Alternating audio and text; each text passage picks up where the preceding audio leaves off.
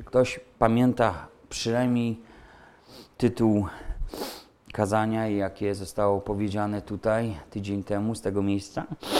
Albo o czym? O czym żeśmy mówili? O czym rozprawiali? O zakonie było.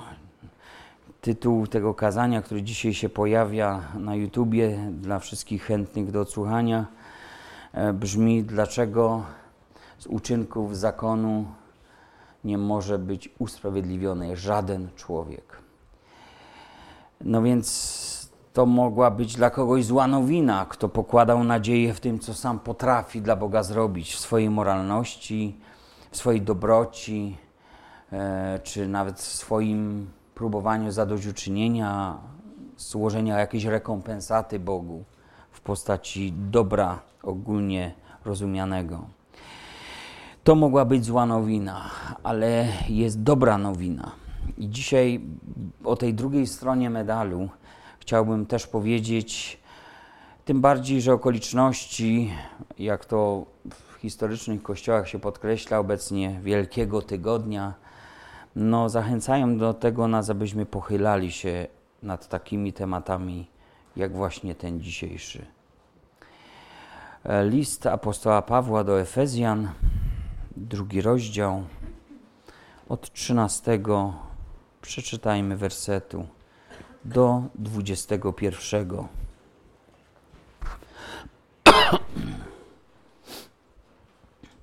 Ale teraz wy, którzy niegdyś byliście dalecy, staliście się w Chrystusie Jezusie bliscy przez krew Chrystusową, albowiem On jest pokojem naszym. On sprawił, że z dwojga jedność powstała i zburzył w ciele swoim stojącą pośrodku przegrodę z muru nieprzyjaźni. On zniósł zakon przykazań i przepisów, aby czyniąc pokój, stworzyć w sobie samym z dwóch jednego nowego człowieka i pojednać obydwóch z Bogiem w jednym ciele przez krzyż, zniweczywszy na nim nieprzyjaźń. I przyszedłszy zwiastował pokój wam, którzyście daleko, i pokój tym, którzy są blisko. Albowiem przez Niego mamy dostęp do Ojca, jedni i drudzy w jednym duchu. Tak więc już nie jesteście obcymi i przechodniami, lecz współobywatelami świętych i domownikami Boga zbudowani na fundamencie apostołów i proroków, którego kamieniem węgielnym jest sam Chrystus Jezus, na którym cała budowa mocno spojona rośnie w przybytek święty w Panu, na którym i wy się wespół budujecie na mieszkanie Boże w duchu. Słowo Boże mówi tu między innymi, bo nie wszystkiego tu tutaj chcę dotknąć, Między innymi mówi o relacjach, w jakich znaleźliśmy się jako Boży ludzie, jako Kościół, jako nawróceni poganie i nawróceni Żydzi. Wszyscy są w Chrystusie teraz jednym ludem. Bóg ma jeden lud. Zgodnie zresztą ze słowami naszego Pana Jezusa Chrystusa, Ewangelii Jana, 10 rozdział, 16 werset, który powiedział – Mam i inne owce, które nie są z tej owczarni. Również i te muszę przyprowadzić, i głosu mojego słuchać będą, i będzie jedna owczarnia jeden pasterz. Biblia mówi nam tu o bliskości. Ta bliskość, jaką zyskaliśmy przez Chrystusa i w Chrystusie, powoduje, że jesteśmy dla Boga bliskimi ludźmi. Dlatego z tego powodu też powinniśmy rozumieć, że jesteśmy bliscy sobie. Bliskość to znaczy relacja nie musi powstać z powodu jednakowego wieku. Wiem, że dzieci mają relacje, w tej samej klasie są, czy studenci na tym samym roku są, więc można powiedzieć, że wiek jest katalizatorem i może powodować, że gdzieś ta relacja zaiskrzy. Relacja nie musi jednak powstać też z powodu podobnego wykształcenia, no bo ludzie, którzy wykształcili się w tym samym kierunku, można by powiedzieć, mają o, o, o jedną chociaż rzecz więcej wspólnego ze sobą i możliwość porozmawiania. Czy to o pracy, czy o dalszej drodze edukacji. czy o jakichś problemach związanych z, nie wiem, z naprawą czegoś, jeśli to inżynier, czy ktoś, kto ma jakiś fach w ręku. Bliska relacja nie musi powstać też z powodu wspólnych zainteresowań. Aczkolwiek wiemy, że są takie relacje. Ludzie mają to samo hobby. Jedni o tej samej porze jadą na żagle, inni już od czwartej rano wysiadują z kijem i mają bardzo dynamiczne opowieści o tym, co się działo przez te wiele godzin. Nie potrafię tego ogarnąć, ale ci ludzie po prostu mają wspólne zainteresowania. Oczywiście są też inne e, ciekawe czy mm, zadziwiające, osobliwe jakieś zainteresowania. Kiedyś zbieraliśmy znaczki, kto dzisiaj znaczki zbiera, nie? A ludzie po prostu z tymi albumami biegali, popatrz, popatrz, mam nowy znaczek, a zobacz, ja mam nowy bloczek. Ja wiem, że nie wiecie, co to bloczek, znaczek może jeszcze wiecie, bo przybijacie sobie to na kopertę, kiedy wysyłacie jeszcze list. Za niedługo nie będziemy listu wysyłać, bo tylko e-mail będzie, więc już zupełnie będzie to jakieś antyczne opowieści dla nas. Ale wspólne zainteresowania łączyły ludzi. Jednak bliska relacja nie musi powstać z powodu tego, ani również z powodu zbieżnych ze sobą interesów. Właśnie czasem z Łukaszem jadę, ludzie dzwonią do niego i widzę, że ta branża po prostu wzajemnie się zasila. Nie? Czyli jeden podrzuca pracę drugiemu, jeden pyta o podobne rzeczy drugiego i po prostu jest wiedza, a wiedza jest na wagę złota w dzisiejszych czasach. I więc powstaje jakaś relacja, ludzie mają ze sobą relacje, ale bliskość nie musi powstawać tylko z takich powodów, czy jakichkolwiek innych ludzkich, które sprawiają, że ktoś ze sobą ma jakiś kontakt. Kiedy Biblia mówi o relacji, kiedy Biblia mówi o tym, to mówi tak naprawdę o społeczności, mówi o czymś o wiele, wiele bardziej głębszym niż to, co ludzie mogą sobie dać wspólnie razem. Biblia używa greckiego słowa koinonia, mówiąc o społeczności. Jest to społeczność miłości, społeczność wspólnych celów, społeczność słowa. Jest tak wiele odniesień do tego, czym jest społeczność, kiedy otwieramy tą księgę. Ludzie wierzący są bliscy sobie, nawet nie ze względu na wspólne jakieś wizje, wspólne plany, wspólne usługiwanie, czy uczestnictwo w tej samej konferencji, co wczoraj mieliśmy, z czego mogliśmy skorzystać wczoraj, będąc w Ruptawie, mam tu myśli konferencję dla małżeństw. Tą bliskość między nami, tutaj w tym tekście czytam, że czyni krew Jezusa Chrystusa pod której działaniem pozostają wierzący ludzie. Trzynasty werset o tym mówił. Ale teraz wy, którzy niegdyś byliście dalecy, staliście się w Chrystusie Jezusie bliscy przez krew Chrystusową. Więc jest to jakiś aspekt, który w świecie jest w ogóle nieznany, niedoceniany, a głębokość tej bliskości, tej relacji, tej społeczności jest nieprawdopodobna i z niczym nieporównywalna. Bez działania Jego krwi wielu z nas tutaj tak naprawdę rozeszłoby się i nie mielibyśmy ze sobą nic albo niewiele wspólnego. No chyba, że właśnie te inne rzeczy by nas mogły gdzieś tam połączyć i nasze życie by się gdzieś tam przecinało.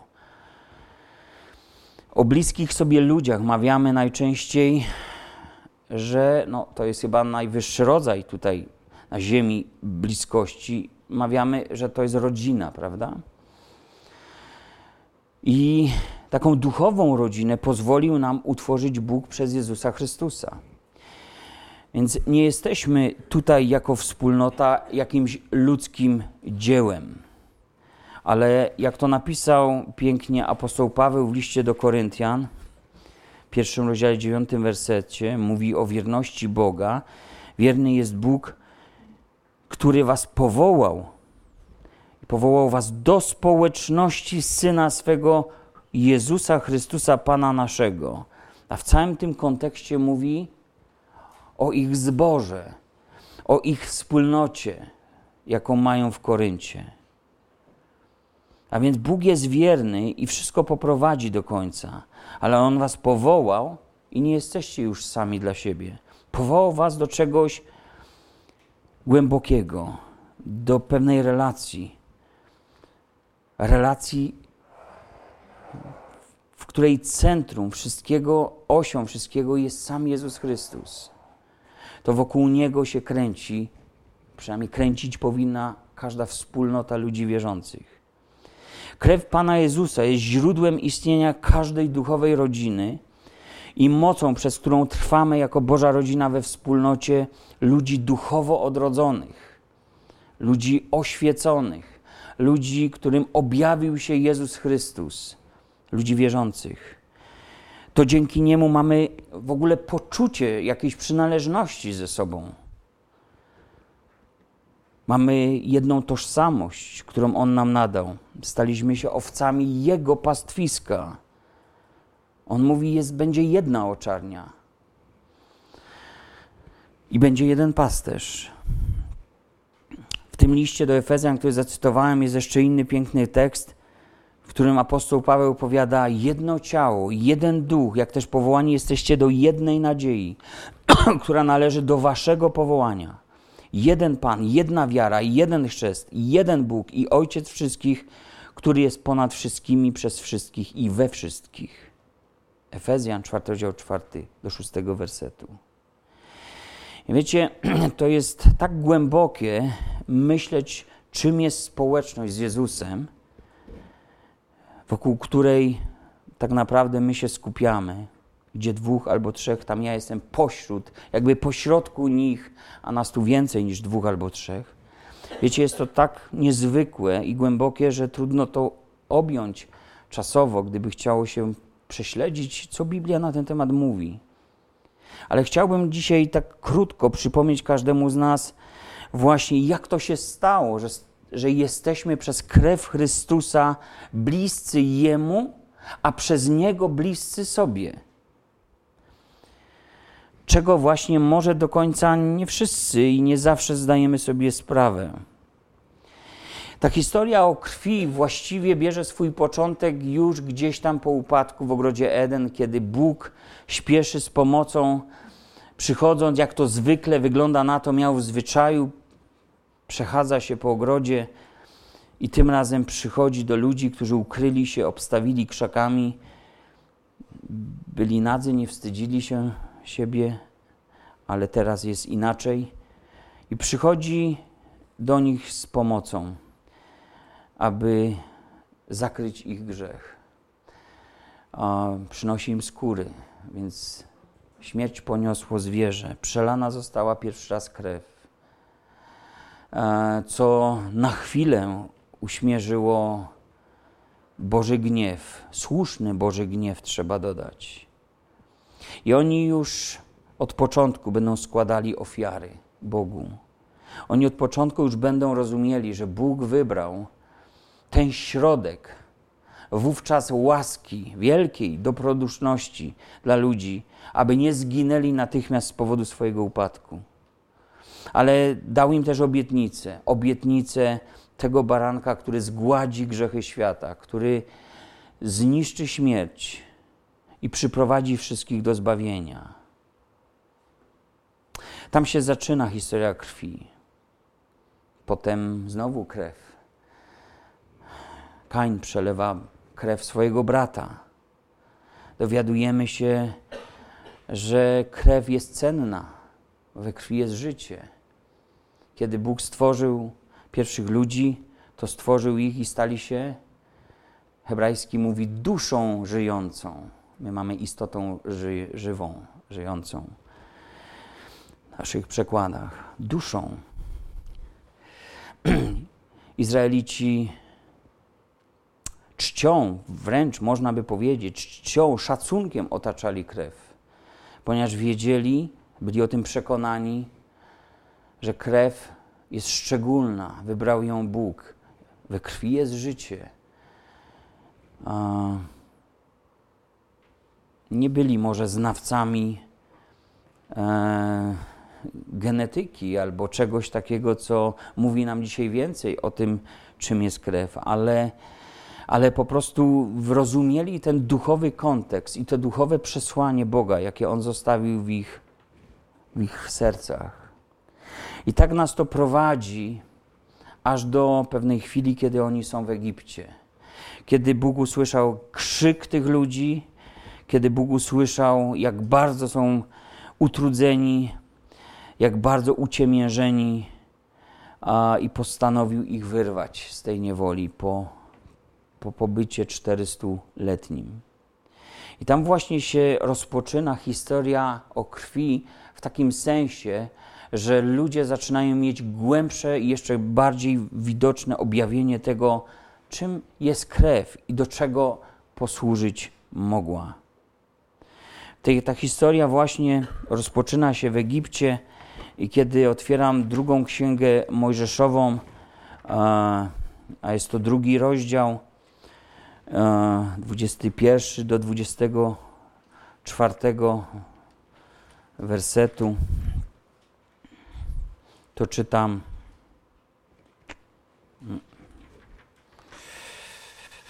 Drugi rozdział.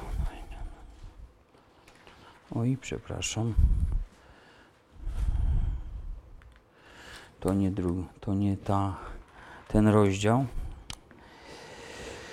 Um, musimy przejść aż do Paschy, drodzy, czyli plagi, plagi i dwunasty rozdział.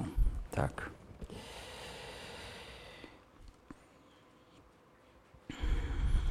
Potem Mojżesz wezwał wszystkich starszych Izraela i rzekł do nich: Idźcie i weźcie sobie po jednym baranku na rodzinę i zabijcie go na ofiarę paschalną.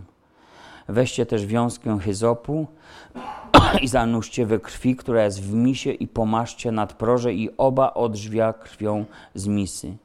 I niech nikt z was nie wychodzi z drzwi domu swego aż do rana gdy Pan przechodzić będzie, aby uderzyć Egipcjan, a gdy ujrzy krew na nadprożu i na obu odrzwiach, ominie Pan te drzwi i nie pozwoli niszczycielowi wejść do domów waszych, aby zadać cios. Przestrzegajcie tego jako ważnego na wieki ustanowienia dla was i synów waszych.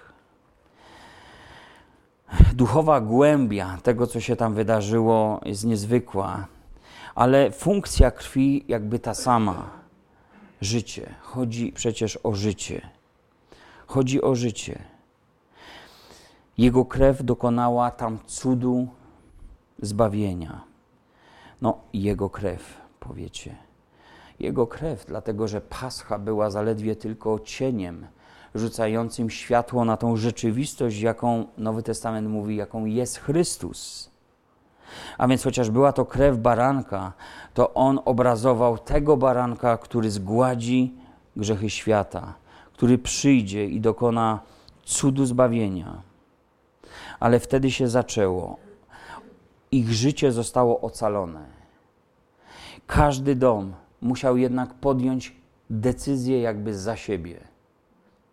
Bo tylko ten dom, który uwierzył na słowo Bogu, i pomazał odrzwia tą krwią, tylko ten dom został ocalony. Więc każdy mógł ponieść ten sam los razem z Egipcjanami, którzy utracili swoich pierworodnych. Więc uwierzyli, a później wiemy, zostali uwolnieni. Dzisiaj jest to jedynie obraz pokazujący nam na coś lepszego, bo jest stare przymierze i nowe przymierze Biblia mówi, że to nowe jest lepsze od tego, co starego, ponieważ ma lepsze obietnice dane nam.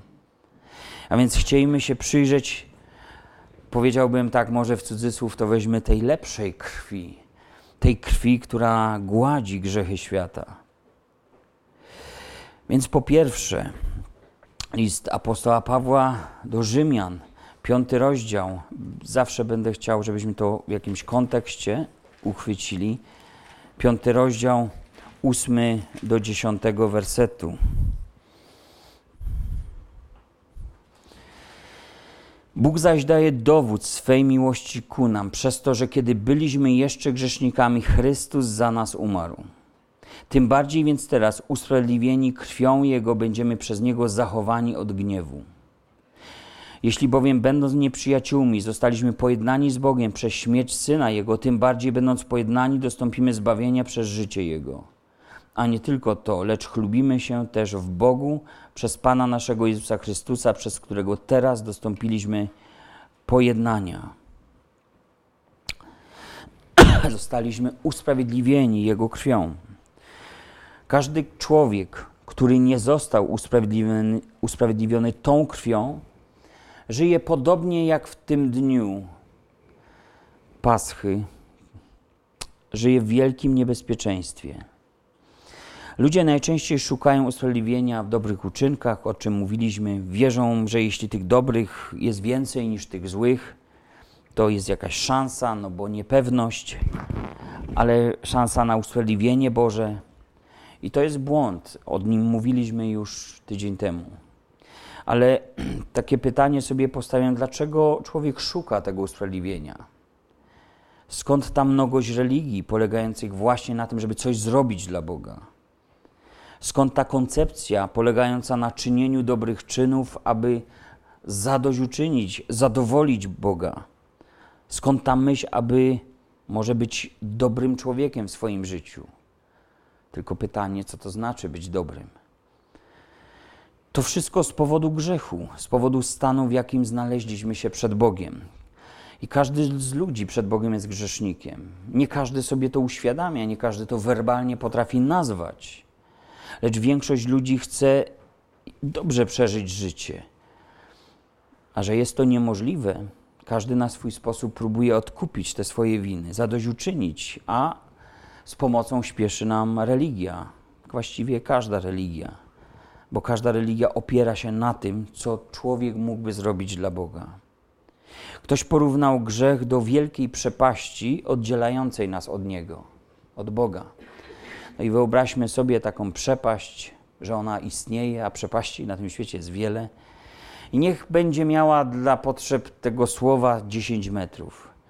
I wyobraź sobie trzech ludzi, którzy postanawiają pokonać tą przepaść, przeskoczyć to całe urwisko. Jeden skacze 5 metrów, drugi jest lepszy od poprzednika, skacze 7 metrów, a trzeci to w ogóle jest najlepszy i skacze 9 metrów. Tą 10-metrową przepaść. Czy któryś z nich znalazł się w lepszej sytuacji od poprzednika po oddanym skoku? Wszyscy tak samo skończyli. Podobnie stałoby się tamtej nocy w Egipcie, gdyby nie posłuchali się Boga, próbując ustanowić jakiś własny sposób na przeżycie, na ocalenie życia. Dlatego Nowy Testament także powiada, że na podstawie uczynków nie może być usprawiedliwiony żaden człowiek, ponieważ to Bóg zrobił krok wstecz, kiedy człowiek zgrzeszył. To nie człowiek uciekł od Boga, to Bóg odsunął się od grzesznika. Dlaczego? A czy Bóg byłby święty, gdyby tego nie zrobił? No pomyślmy o jednej krwi człowieka chorego, zakażonego wirusem, niech to będzie wirus HIV. Czy jedną kroplę krwi, tylko jedną, przyjąłbyś do swojego ustroju? Nie zrobiłbyś tego, nie zrobiłabyś tego, dlatego że wiesz dobrze, że ta jedna kropla krwi mogłaby zakazić cały Twój ustrój. Mogłabyś umrzeć, mógłbyś umrzeć. Dlatego Bóg musiał potępić jeden grzech, ponieważ gdyby tego nie zrobił, nie byłby tym, za kogo się podaje. Nie byłby święty, nie byłby doskonały.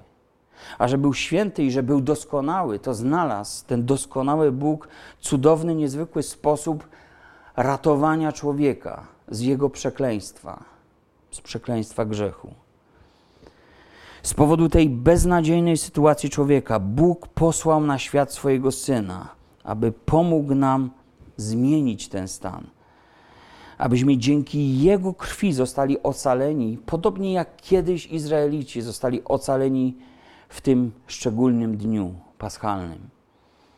W liście do Rzymian, czwarty rozdział, piąty, szósty werset czytamy.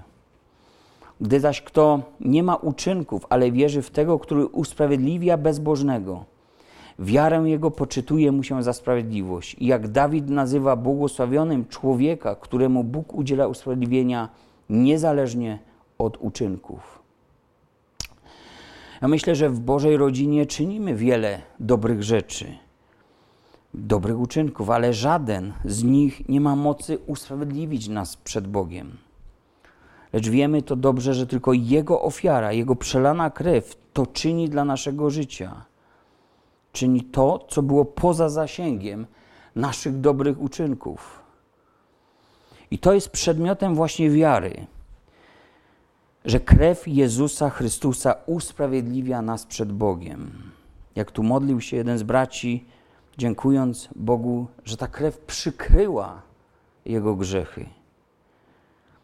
Także Bóg, patrząc na człowieka usprawiedliwionego krwią Chrystusa, widzi dzieło swojego syna.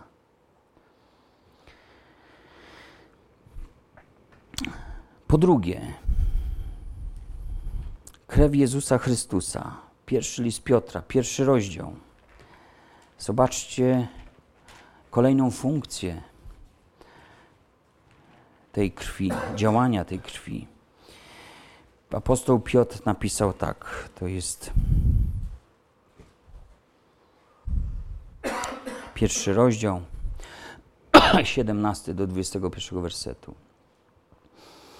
A jeśli wzywacie jako Ojca tego, który bez względu na osobę sądzi każdego według uczynków Jego, żyjcie w bojaźni przez czas pielgrzymowania waszego wiedząc, że nie rzeczami znikomymi, srebrem albo złotem zostaliście wykupieni z marnego postępowania waszego przez ojców wam przekazanego, lecz drogą krwią Chrystusa, jako baranka niewinnego i nieskalanego.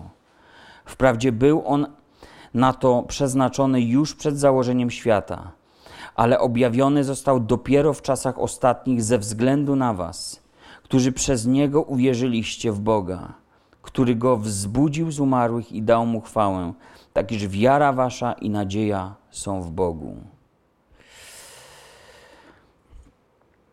Wielu wzywa Boga, składając wyznanie, że jest ich Ojcem. A jeśli wzywacie jako Ojca, tego, który sądzi. Lecz by mieć Ojca, wszyscy to wiemy, trzeba być Jego dzieckiem, prawda? Przysłowie mówi, że nie każdy, kto urodził się w stajni, jest koniem. No, pójdźmy tropem tradycji. Pan Jezus powiada się, urodził się w stajence. Tak naprawdę to była grota wskalna, jakieś głębsze zagłębienie, gdzie, gdzie Pan Jezus przyszedł na świat potocznie mówimy w stajence betlejemskiej, choć wyobrażenia ludowe dzisiaj są troszkę inne niż te faktyczne. Ale Pan Jezus urodził się w takim miejscu, a to nie znaczy, że był jednym z tych zwierzątek. To, że urodziliśmy się w rodzinie chrześcijańskiej, nie oznacza, że jesteśmy Jego dziećmi. Biblia mówi, co czyni nas Jego dziećmi. Tym zaś, którzy Go przyjęli, dał prawo stać się dziećmi Boga, tym, którzy wierzą w Jego imię, którzy narodzili się nie z krwi, ani z cielesnej woli, ani z woli mężczyzny, lecz z Boga. Jana Ewangelia, pierwszy rozdział, 12 i 13 werset.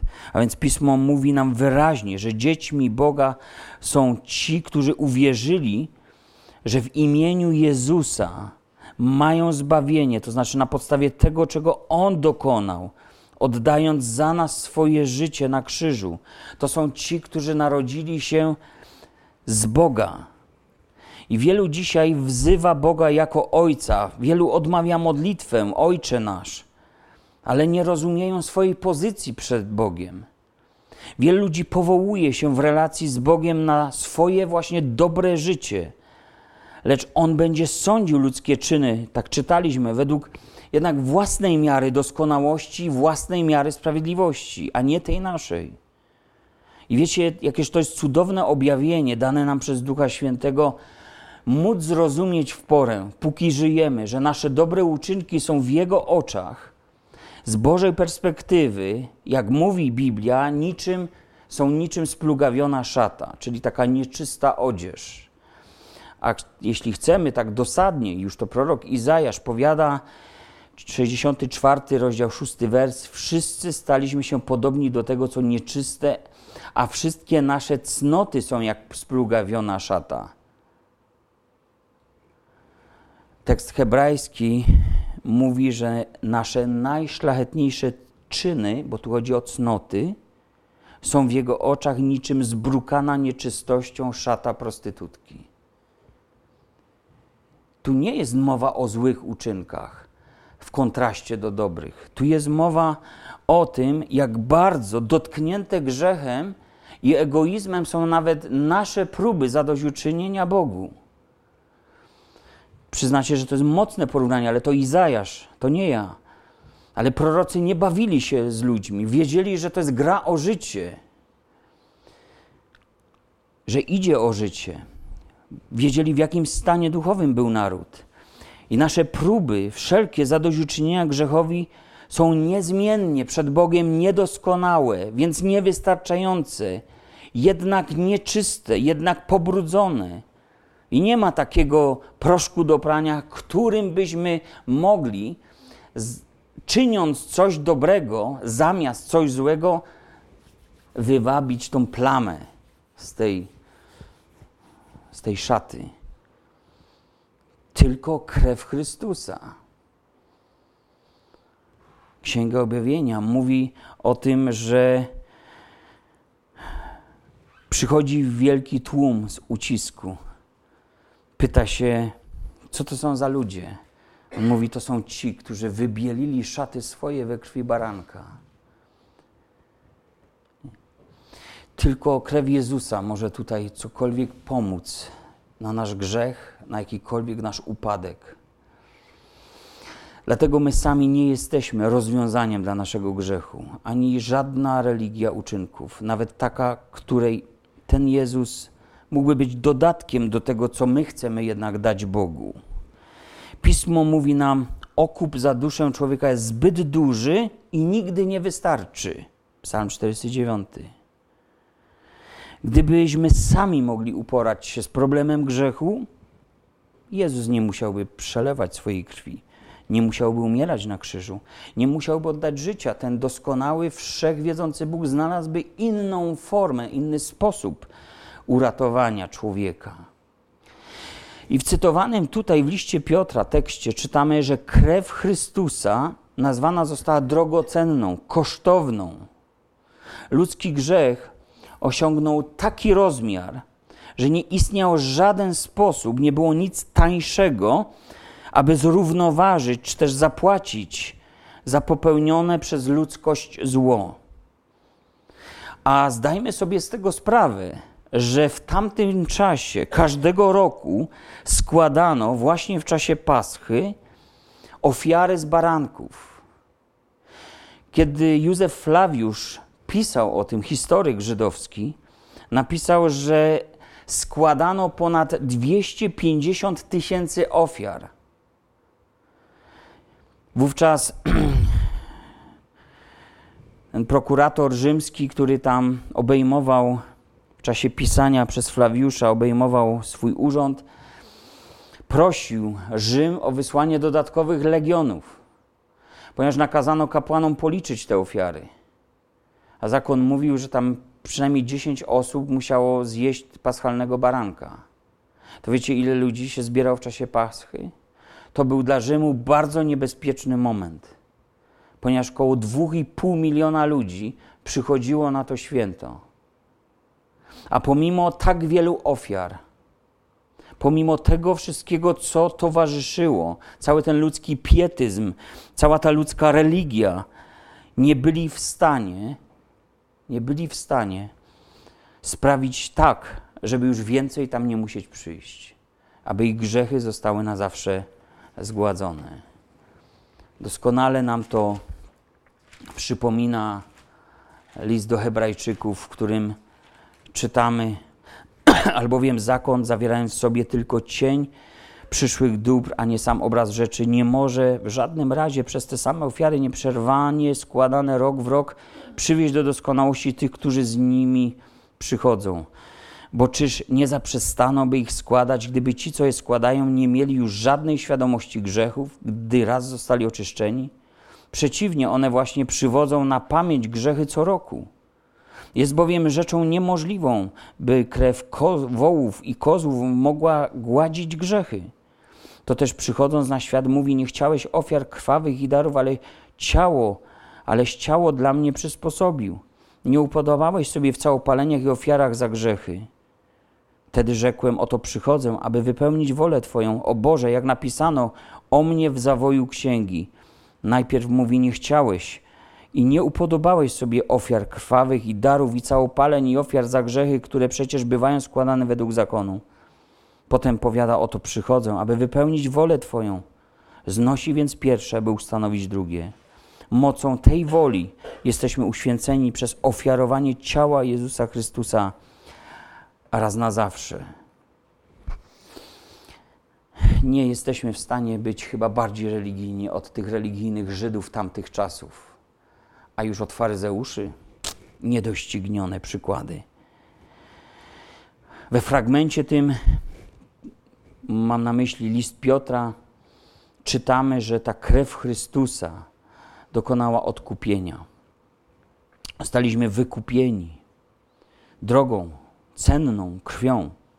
To słowo zakłada, że byliśmy czyjąś własnością i potrzebowaliśmy zostać wykupionymi przez Boga.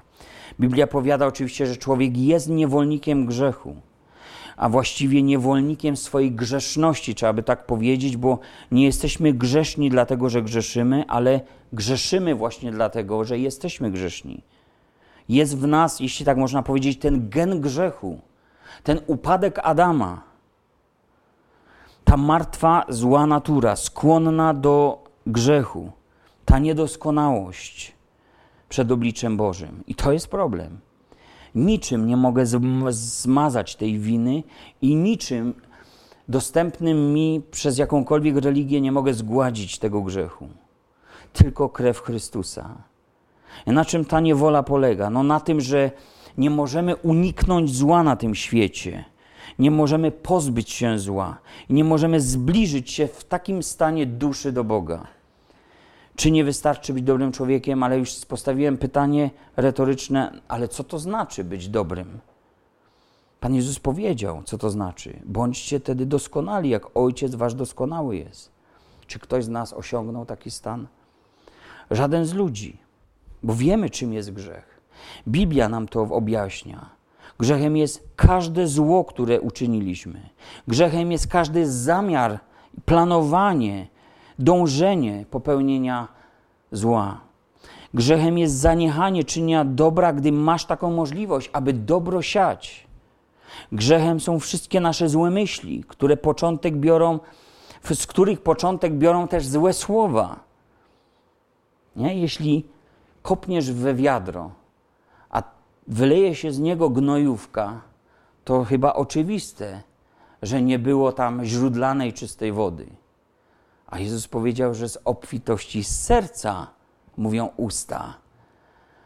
Och, coś tak brzydkiego, obnażającego nas powiedział Jezus. Powiedział, że potrafimy się poczęstować tak, taką wiązką, taką wiąchę puścić potrafimy. Czy nigdy nam, jako wierzącym ludziom, nie przytrafiło się puścić coś takiego drugiemu? Więc zobaczcie, bez Boga ani do proga. Gdyby nie Jezus, byliśmy, bylibyśmy na straconej pozycji. A jeszcze niech wspomniałem o dążeniach serca, o ambicjach serca, o tych chybionych wyborach człowieka, który stawia na doczesność zamiast stawiać na wieczność. I na tym polega niewola, że jest tego zbyt wiele i nic z tym nie możemy zrobić, zmienić. Nie starczy człowiekowi życia, by to zmienił. A to nas właśnie oddziela od Boga i ten grzech. I to jest odpowiedź na pytanie, dlaczego Bóg musiał posłać swojego Syna Jezusa Chrystusa na ten świat.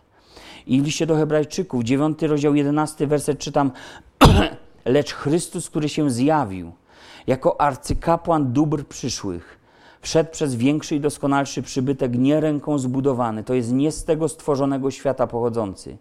Wszedł raz na zawsze do świątyni, nie z krwią kozów i cielców, ale z własną krwią swoją, dokonawszy wiecznego odkupienia. Nie na rok, jak tamci mieli. Nie do następnej, wiecie, komunii, jak mają ludzie religijni w tym kraju, że tam trzeba wszystkie te sakramenty i a potem, potem znowu. Dokonał wiecznego odkupienia. Bóg Ojciec posłał swego Syna i pozwolił, by ten złożył ofiarę, aby jego krew została przelana, bo nie było niczego porównywalnie cennego i wartościowego, co mogłoby zmienić sytuację człowieka. Cena była niewyobrażalna. Choć nam to zostało zaoferowane za darmo, z łaski, przez wiarę, to ktoś poniósł cenę nie do spłacenia. Przebaczono nam grzechy. Nie tak dawno jeden z braci za kazalnicą porównywał ten dług z długiem człowieka, który szarpał się z drugim o jakieś małe groszowe sprawy. Kiedy król darował przebaczeniem dłużnika, trzeba było karawany z ilomaś wagonami, żeby ten dług po prostu oddać, bo pieniądze wówczas ważyły. Tak wiele przebaczył nam Bóg w Chrystusie i my powinniśmy sobie przebaczać, bo nasz dług jest nieporównywalny wobec siebie, jeśli mamy go do tego, który został nam darowany. Idąc dalej, Pan Jezus umiera na krzyżu i wypowiada te ostatnie słowa: Wykonało się. Autor Ewangelii zapisał nam to w języku greckim słowem tetelestai które w czasach, w świecie heleńskim, w czasach Jezusa oznaczały całkowitą spłatę długu. I takie słowa padały, gdy ostatnia moneta dotykała stołu handlarza, handlarza niewolnikami. Więc Jezus spłaca całkowicie dług i wy, dokonuje odkupienia, wykupienia niewolników z ich niewoli. Odkupienie, którego dokonał Jezus, ma wymiar wieczny, dokonał odkupienia wiecznego, a więc raz to zrobił i na zawsze to działa. Nie ma potrzeby powtarzania bezkrwawej ofiary Chrystusa. Odkupił nas od niewoli grzechu, wyzwolił z sideł diabła, abyśmy teraz mogli służyć nowemu Panu, temu, który oddał za nas swoje życie. I Paweł mówi, abyśmy już teraz dla siebie nie żyli, ale dla tego, który oddał za nas to życie. I pójdziemy dalej. Chciałbym, byśmy zobaczyli kolejną funkcję krwi Chrystusa. Wspomniałem o tym na początku już, że staliśmy się bliscy przez krew Chrystusową. I list do Efezjan, ten czytany na wstępie, drugi że 13 werset mówił nam, że niegdyś byliście dalecy, staliście się w Chrystusie Jezusie bliscy przez Jego krew. Dlaczego przez krew bliskość powstaje? Dlaczego nie przez przynależność do Kościoła? Dlaczego nie przez odpowiednią liczbę dobrych uczynków, przeważającą złe? Dlaczego niemoralność, dobra waluta, wydaje się? Dlaczego nie można zapisać się do Kościoła y, i mieć poukładane to wszystko z Bogiem? Dlaczego nie można wstąpić do zakonu, jak się, do Kościoła, jak się wstępuje do zakonu? i pełni się jakąś regułę tego zakonu. Tak jak tutaj można by pełnić jakieś zasady wiary tej społeczności. Dlaczego nie tak? Dlaczego krew? Krew, drodzy, do dzisiaj jest najlepszym materiałem identyfikacji człowieka. Dzięki krwi możemy zbadać kod genetyczny DNA w najlepszy sposób. Dzięki krwi możemy ustalać ojcostwo.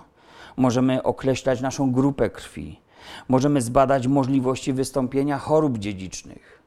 Możemy zbadać szczegółowo skład krwi i wiedzieć po prostu o jakichkolwiek niedoborach czy rzeczach, które się dzieją złych w naszym organizmie.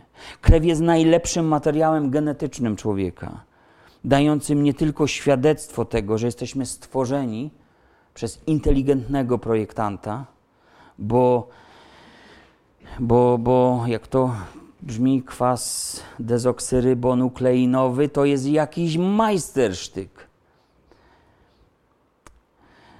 DNA człowieka to jest jakiś cud stworzenia. ale również wskazuje nam to właśnie krew na tego, który dał początek życiu i tchnął dech życia, i Adam stał się istotą, duszą żyjącą. I niestety z powodu grzechu pierwszych ludzi to podobieństwo Boże zostało zanieczyszczone, zakłócone. My je ciągle mamy w sobie i ciągle nasza dusza stawia sobie egzystencjalne pytania, bo dusze ludzkie, Biblia mówi, że są rozumne. Nowy Testament używa słowa psyche na określenie duszy człowieka. Stary Testament używał słowa nefesz, psyche, a więc rozum. Dusza rozmyśla, stawia sobie egzystencjalne pytania. Dlaczego żyję? Dokąd zmierzam? Po co żyję? Czym jest moje życie? Jaką jest wartością?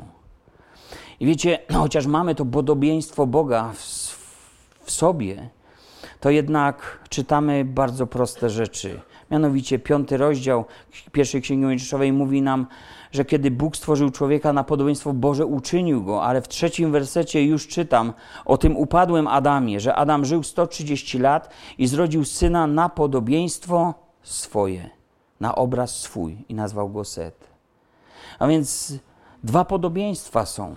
To upadłe i ciągle to Boże żyjąc bez Boga na świecie, jesteśmy trochę jak taki osierocony chłopak, który poszukuje swojego ojca, swej rodziny, swych korzeni, swego pochodzenia, swej prawdziwej tożsamości. Znam takie historie, prawdziwe historie. Kiedyś stanął tu przed nami kaznodzieja Wayne Olery, nowozelandczyk, który w wieku średnim dowiedział się, że ma żydowskie pochodzenie, bo był sierotą pozostawionym w domu opieki, adoptowanym przez misjonarzy angielskich, a zastanawiał się, dlaczego jest tak mało podobny do swoich rodziców. Powiedzieli mu, że nie są biologicznymi. Zaczął szukać. Odnalazł swoje korzenie w Nowej Zelandii, w gminie żydowskiej. Z tej podróży wrócił do domu i obwieścił swojej żonie: Wiesz, usiądź sobie. Chciałbym Ci powiedzieć, że jestem Żydem. Niektórzy z nas pamiętają, co odpowiedziała. Powiedziała: Teraz wiem, czemu jesteś taki skąpy. E, taka była reakcja żony, ale cieszyła się z tych odkryć męża. cieszyła się z tego. I wiecie, żyjąc bez Boga na świecie, człowiek ciągle stawia sobie te pytania, poszukuje swojej prawdziwej tożsamości czy sobie to uświadamia, czy nie, ciągle to w nim jest. List do Hebrajczyków mówi nam, że krew Chrystusa przemawia do dzisiaj lepiej niż krew człowieka Abla. Krew Zbawiciela przemawia lepiej niż krew ludzka. Krew zabitego Abla, który przez Żydów był uważany za pierwszego męczennika wiary, bo wiemy, że Abel złożył swoją ofiarę na podstawie wiary, ta właśnie ofiara stała się przyczyną wzburzenia Kaina, jego zazdrości i, i powodem przelewu krwi. Ta więc krew wołała do Boga, domagając się sprawiedliwości za dokonanie mordu. Z powodu czego? No, w sumie z powodu przychylności i bliskości, jaką Bóg darzył wierzącego Abla. I ta przelana krew nie pozostała bez kary. Kain poniósł karę za swój grzeszny czyn, niosąc przez całe życie swoje przekleństwo. Znak Kaina. Bóg patrzy dzisiaj na ofiarę swojego zamordowanego syna. I ta przelana krew również woła do Boga bardziej niż krew ludzka, niż krew Abla.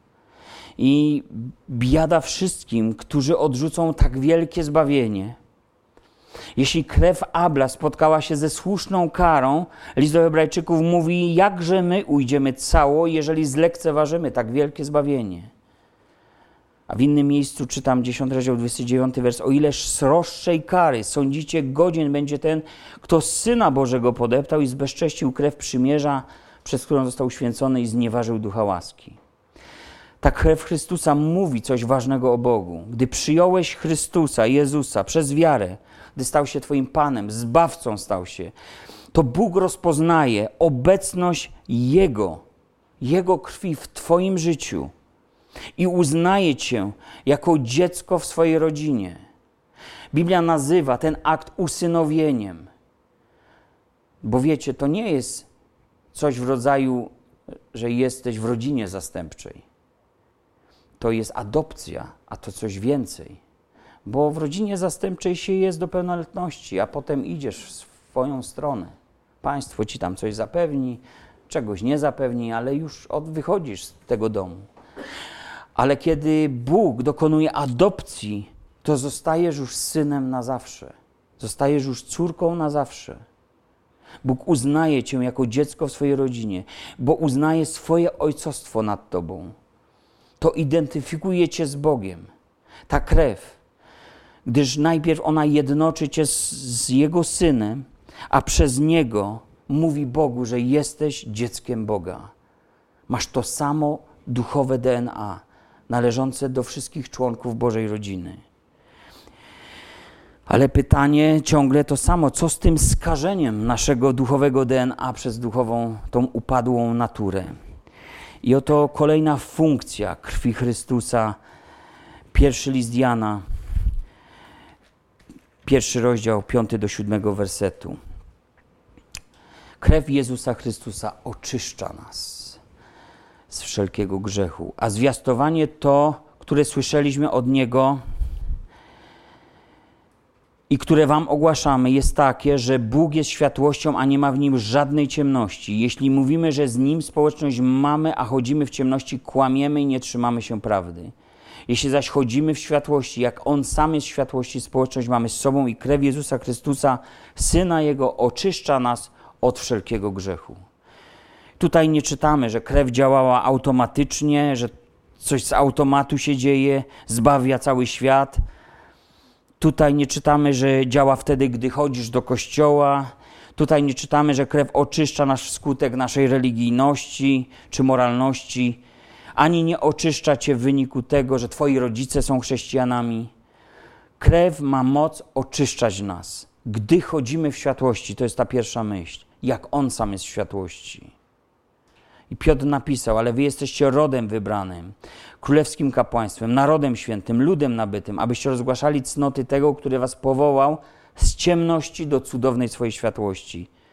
I chociaż Pismo mówi, że Bóg przebywa w światłości niedostępnej, to Chrystus jest tą światłością świata, od Boga dla nas. I to Jego światło może rozbłysnąć w sercach naszych, jak napisał do Koryntian apostoł Paweł. Możemy uczestniczyć w tej rzeczywistości niedostępnej już dzisiaj. W nim jesteśmy powołani do światłości. Pierwszy Tesaloniczan, piąty rozdział, czwarty do ósmego wersu. Wy zaś, bracia, nie jesteście w ciemności, aby was ten dzień jak złodziej zaskoczył. Wy wszyscy bowiem synami światłości jesteście i synami dnia. Sobie możecie wstawić siostry córkami światłości i córkami dnia. Nie należymy do nocy ani do ciemności, przeto nie śpimy jak inni, lecz czuwajmy, bądźmy trzeźwi. Albowiem ci, którzy śpią w nocy śpią, a ci, którzy się upijają w nocy się upijają. My zaś, którzy należymy do dnia, bądźmy trzeźwi, przywdziawszy pancerz wiary i miłości oraz przyłbicę nadziei zbawienia. A więc światłość jest wymagająca. Można poznać Chrystusa, lecz można wracać do ciemności. Można poznać Chrystusa, ale można żyć w Jego światłości. I są ludzie, którzy nie zbliżają się do światła, tak mówił Jezus. W Ewangelii Jana o tym czytamy. Gdy w świetle wszystko wychodzi na jaw, jako potępienia godne, albo jako godne pochwały. Człowiek, który nie chce zerwać ze swoim stylem życia, ze swoim grzechem, będzie trzymał się na dystans, będzie trzymał się jakby w cieniu, by zamaskować się, by się obstawić jak Adam i Ewa krzakami, tak jakby przed Bogiem można było coś ukryć.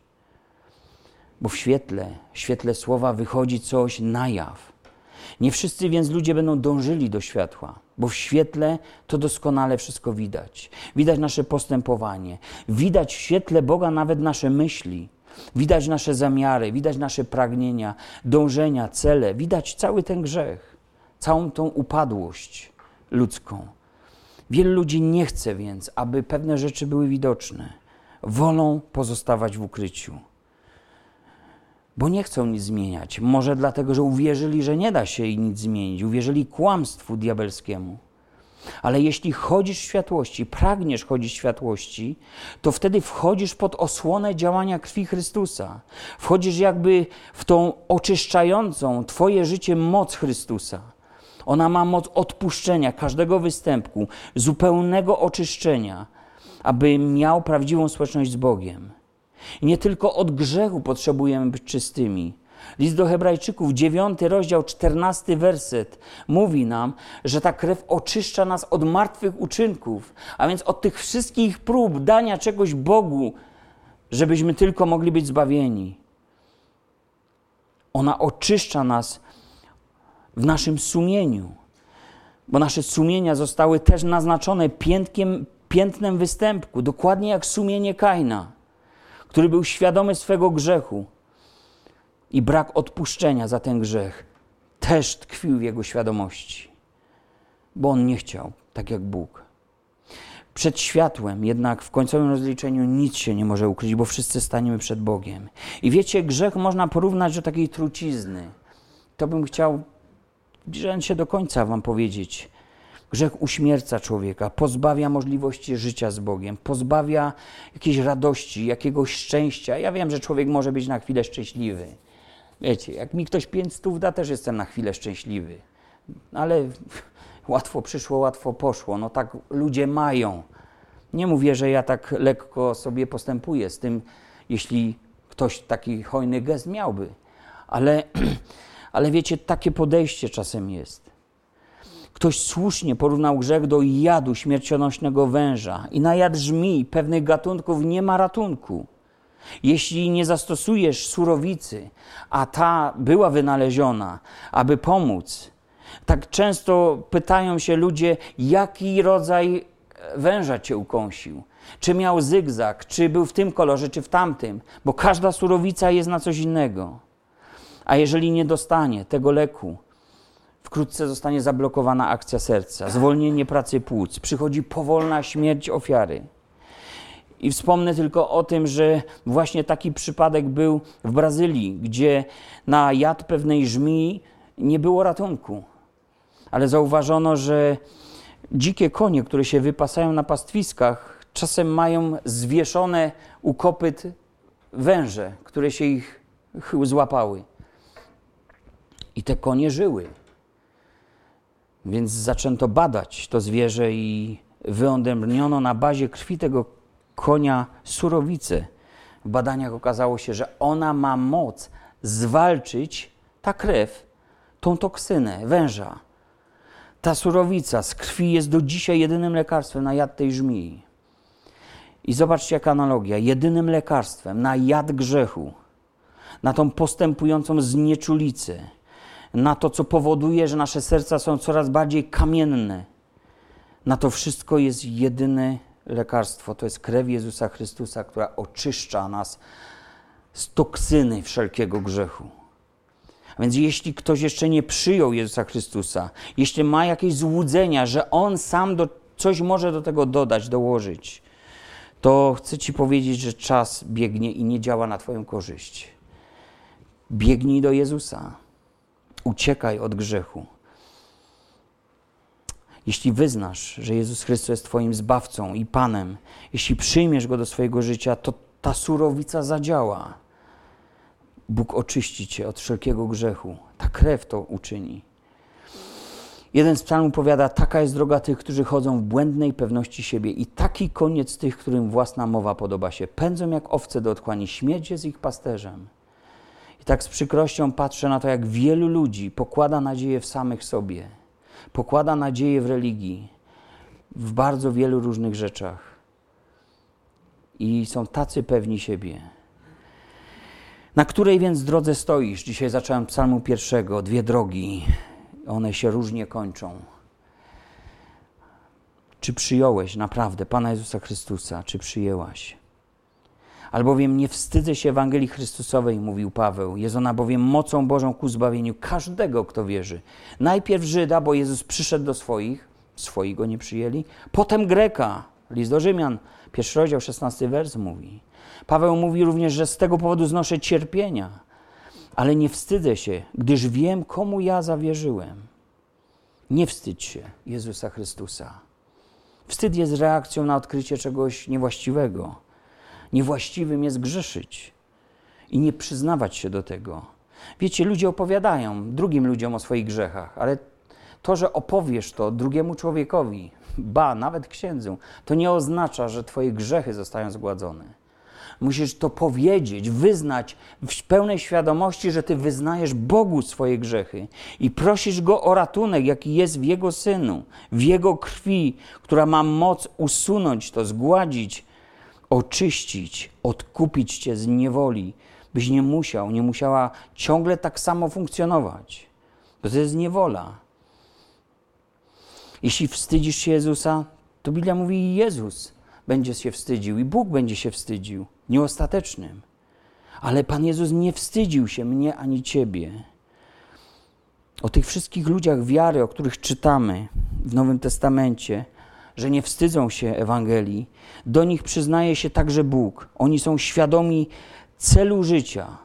Są pielgrzymami na ziemi i wiedzą, że, cytuję, zdążają do lepszej, to jest niebieskiej ojczyzny. Dlatego Bóg nie wstydzi się być nazywany ich Bogiem, gdyż przygotował dla nich miasto. Bóg się ciebie, drogi bracie, droga siostro, nie wstydzi. I wszystko to jest dla ciebie dzięki drogocennej krwi Chrystusa. Wszystko zaczęło się bardzo, bardzo dawno temu ale Bóg już przed założeniem świata przewidział Boży ratunek.